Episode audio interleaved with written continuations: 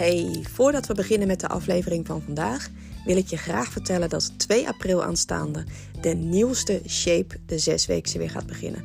Het is een compleet vernieuwd programma, een vol, bordevol tools om uh, jou extra te helpen om jouw doel te gaan bereiken bovenin de show notes van de podcast, dus niet bij de aflevering, maar helemaal bovenin. Daar vind je de link voor meer informatie of om je in te schrijven. En met de kortingscode APRIL met hoofdletters geschreven ontvang jij alleen bij deze eerste editie 100 euro korting. Ik zie jou heel erg graag in shape.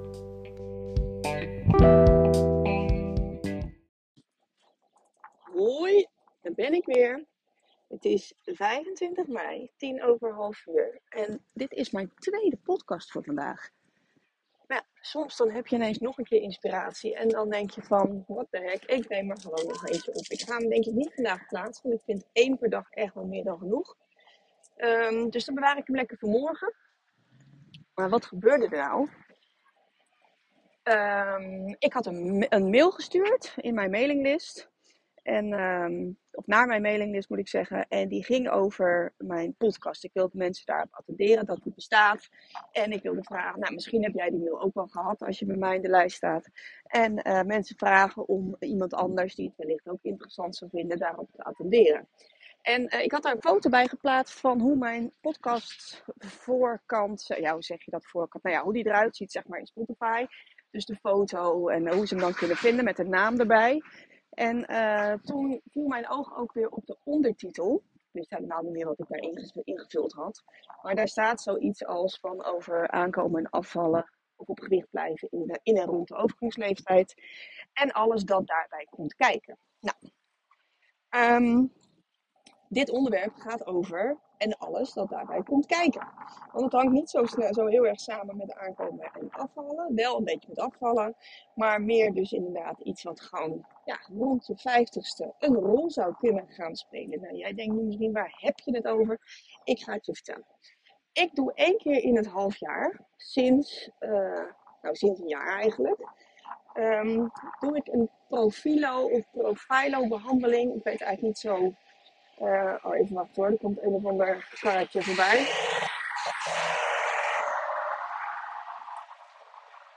Fijn hè, iemand die podcast opneemt en dan vervolgens niet edit en ook niet de ruis eruit haalt waar je met al die achtergrondgeluiden zit. Uh, maar goed, ik doe dus zo'n behandeling en dan krijg je een paar spuiten in je gezicht. En um, daar spuiten ze een of ander goedje in en dat schijnt dan een lichaams-eigen stofje te zijn wat dan de productie van collageen aan of stimuleert rond je 40ste, 50ste zo'n beetje, dan uh, gaan die, die huidplooien, die gaan natuurlijk allemaal uh, komen wat, eh, wat, worden wat zichtbaarder. Je gezicht gaat wat meer hangen. Elasticiteit van je huid ver, verandert, verdwijnt. Dus um, ja, dan kan het wel eens gebeuren dat je in de spiegel kijkt en dat je denkt, nou ja, ik was er tien jaar geleden toch nog net even wat meer tevreden mee. Nou, dat had ik dus ook. En toen hoorde ik van die behandeling en ik dacht, nou, kan geen kwaad, ga ik eens proberen. En ik ben daar eigenlijk best wel tevreden over. Het geeft geen wereldschokkend verschil. Maar ik zag wel hier en daar zelf uh, de verschillen um, nou ja, die ik gewoon fijn vond. Niemand heeft aan me gevraagd: Goh, wat heb je met je gezicht gedaan? Dus blijkbaar valt het helemaal niet zo heel erg op. Of ze dachten van nou, dit is zo verschrikkelijk. Ik ga niet aan de vraag wat ze gedaan heeft. Maar dat denk ik niet. Want de verschillen zijn minimaal. Anyway, daardoor ging je, daarvoor ging ik dus nu naar Faceland in Almere. En uh, dus ik zit zo tegenover die man en dan maakt hij altijd even voorfoto's en nafoto's. En dan vergelijkt hij het met de eerste foto's die hij ooit van je gemaakt heeft. Dus ik zit hem zo aan te kijken en ik zeg tegen hem, als je mij nou zo ziet, hè, uh, zijn er dan nog meer dingen waarvan je denkt van, nou, daar zou ik wel nog een verbetering in aan kunnen brengen. En wat, wat zou dat dan zijn? Toen zegt hij, nou, daar doe ik over het algemeen geen uitspraken over.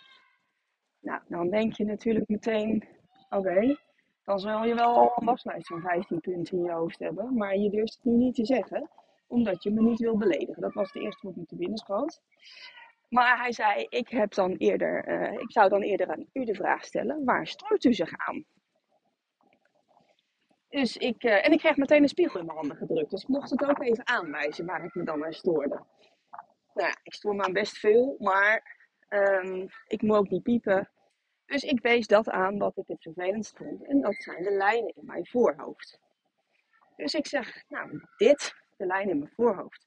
Toen zegt die beste man, bedoelt u de horizontale of de verticale lijnen? Nou, ik wist helemaal niet dat ik verticale lijnen in mijn hoofd had. Nu heb ik ze inmiddels wel gezien, dus hij heeft weer even een puntje aangestipt waarvan ik denk, had vooral je mond gehouden. Want nu val ik natuurlijk over die verticale lijnen. Maar het ging mij in dat geval om de horizontale lijnen. Dus ik dacht, nee, deze, die van links naar rechts gaan, de horizontale lijnen. Ja, maar dat komt omdat u, um, uw wenkbrauwen zijn wat gaan zakken en uw oogleden zijn wat gaan zakken. En uh, blijkbaar trekt u, om dat te corrigeren, om dat te herstellen, trekt u dus regelmatig uw wenkbrauwen op. Ik zeg, ja, dat klopt. En daardoor krijgt u die lijnen uh, in uw uh, voorhoofd. Ja. Ik fijn, meneer bevestigde ook even dat mijn oogleden zijn gaan hangen en mijn wenkbrauwen zijn gaan zakken. dat wist ik ook wel, maar nu krijg ik het nog even extra bevestigd. En ik weet dat ik daarvoor dan een operatie of zo zou moeten ondergaan. Nou, weet je, daar stoor ik me er helemaal niet erg genoeg voor, uh, voor aan. Dus dat ga ik helemaal niet doen. Maar dit ging dus eventjes om, uh, om de lijnen. En, um, maar zei hij, daar, daar kunnen we op zich wel wat aan doen hoor. En, um, oh, hoe, gaat dat dan? Nou, dat doen we met botox. Nou, en ik kreeg me toch een rolling daar. Ik dacht, botox? In mijn hoofd? Ik noem dan, hè, ik heb het dan wel eens over botox Annie. En ik hoop niet dat ik je nu heel erg beledig. Waarschijnlijk niet, want ik bedoel daar een vrouw mee die echt zo'n volledig opgespoten hoofd heeft. Waarvan je ziet van nou, daar was de botox gewoon drie halen, één betalen. Die plastische chirurg is helemaal op losgegaan. Dat het echt gewoon te is. Je snapt gewoon een beetje wat ik bedoel. Met van die veel te dikke lippen. En um, nou, dan heb ik het over botox Annie. Dus ik had meteen zo'n beeld van mezelf um, daarbij. Dus ik zei nee, botox, dat ga ik echt niet doen. En uh, nou, hij moest hem bij een beetje in de lach. En uh, ik zeg nee, want dan kan ik helemaal niet meer lachen. En uh, dus hij keek me aan en hij zei, we hebben het over je voorhoofd, toch? Ik denk, ja, dat is natuurlijk ook stom, het lachen doe je ook niet met je voorhoofd. Ik zeg, ja, maar dan heb je zo'n, zo'n altijd dezelfde mimiek. En dus ik kwam met alle vooroordelen die ik had over botox. Heb je altijd dezelfde mimiek en dan kun je nooit meer hij is altijd je, je gezicht gewoon in de plooi. En of ik dan verdrietig ben of dat ik, uh, of dat ik ben, maakt allemaal niet uit. Ik kijk altijd hetzelfde. En mensen zeggen altijd tegen mij dat, ik, uh, dat mijn gezicht een open boek is. En dat wil ik graag zo houden. Nou, dus ratel, ratel, ratel. En hij zei: um, Nee, maar zo erg is dat allemaal niet. U wil van die lijntjes af in uw voorhoofd. U heeft helemaal geen diepe lijnen. Dus met een heel klein beetje botox leggen we die spier een beetje lam. En ik denk, spier een beetje lam? Ik doe altijd mijn best om mijn spieren sterker te maken. Dan ga ik er iets in spuiten waardoor ze lam gelegd worden. Maar hij ging het helemaal uitleggen hoe dat werkte. En ik dacht, nou ja, weet je, als ik dan ergens tegenop zie, dan is altijd mijn strategie om dan te denken, wat is het allerergste dat er kan gebeuren? om dat te kunnen beoordelen, moest ik even aan hem vragen hoe lang het effect was. Ik zeg, hoe lang heb ik daar effect van? Ja, ongeveer drie maanden. Toen dacht ik, oké, nou, dan is het allerergste wat er kan gebeuren. Dus niet dat ik een leven lang geen mimiek in mijn gezicht meer heb. Nee, stel dat het helemaal verkeerd uitpakt, dan heb ik drie maanden, heb ik er spijt van. En, uh, maar ben ik wel een ervaring rijk, heb ik het een keer gedaan. Nou, dus ik nog tien keer aan die man gevraagd, hè, kan ik gewoon alles bewegen daarna? En uh, ja, mevrouw, niks aan de hand. Je kunt nog steeds je wenkbrauwen optrekken. Je kunt nog steeds gewoon je gezicht bewegen. Alleen, het is een heel klein beetje. Maar een heel klein beetje. Volgende keer kunt u misschien je meer doen als u dat wil. En uh, ja, daarmee is eigenlijk dat waar u zich aan stoort, dat is dan opgelost. Nou, doen we. Jas er maar in. Ja, weet u het zeker? Zeg ja hoor. Ik, uh, ik ga liggen, doe er maar in.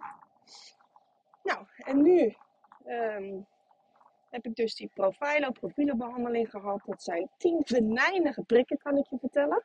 Die zijn echt niet tof. Bij de eerste denk je, oh, oh mooi, ik moet er nog negen. Ja, het is maar heel kort. En um, dus gewoon even tanden op elkaar. En daarna kwamen dan die botoxprikjes. Nou, die vallen echt in het niet bij die andere. Ik voelde het bijna helemaal niet. En nu heb ik dus, uh, ja, nu ben ik botox Annie. Nu heb ik gewoon botox in mijn voorhoofd. En ik hoop dat het ook in mijn voorhoofd blijft zitten. Dat het niet gaat zakken naar de rest van mijn gezicht. Helemaal niet, dat kan. Wel niet. er allerlei gekke ideeën bij.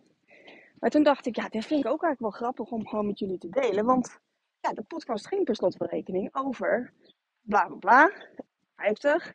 En alles dat daarbij hoort, dacht ik, ja, en dit is ook gewoon wat daarbij hoort. En heel veel mensen doen uh, van alles aan hun, uh, aan hun gezicht en lichaam en correcties. En ik heb daar helemaal geen oordeel over, maar er wordt wel vaak geheimzinnig over gedaan. En dan denk ik, ja, dat geheimzinnig doen is denk ik vaak, maar is ook een aanname van mij, maar ik denk dat het vaak is omdat mensen niet op het oordeel van een ander zitten te wachten. Nou ja, daar ga je weer. Hè? Dus het wordt natuurlijk een beetje een rode draad in deze hele podcastserie.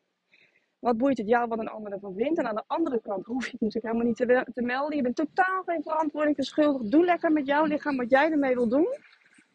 Um, nou ja, alleen ik, uh, ik dacht, uh, dit hoort voor mij ook bij, uh, bij 50 zijn. Bij ja, het um, soms dat je moet dealen met de zwaartekracht. Dat alles een beetje gaat hangen en een beetje gaat doen.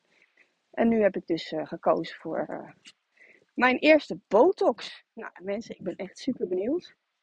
Als ik nou de komende drie maanden met een stoïcijns hoofd op de foto staat, dan weet je waar het aan ligt. Dan ga ik alleen maar mijn oude foto's plaatsen.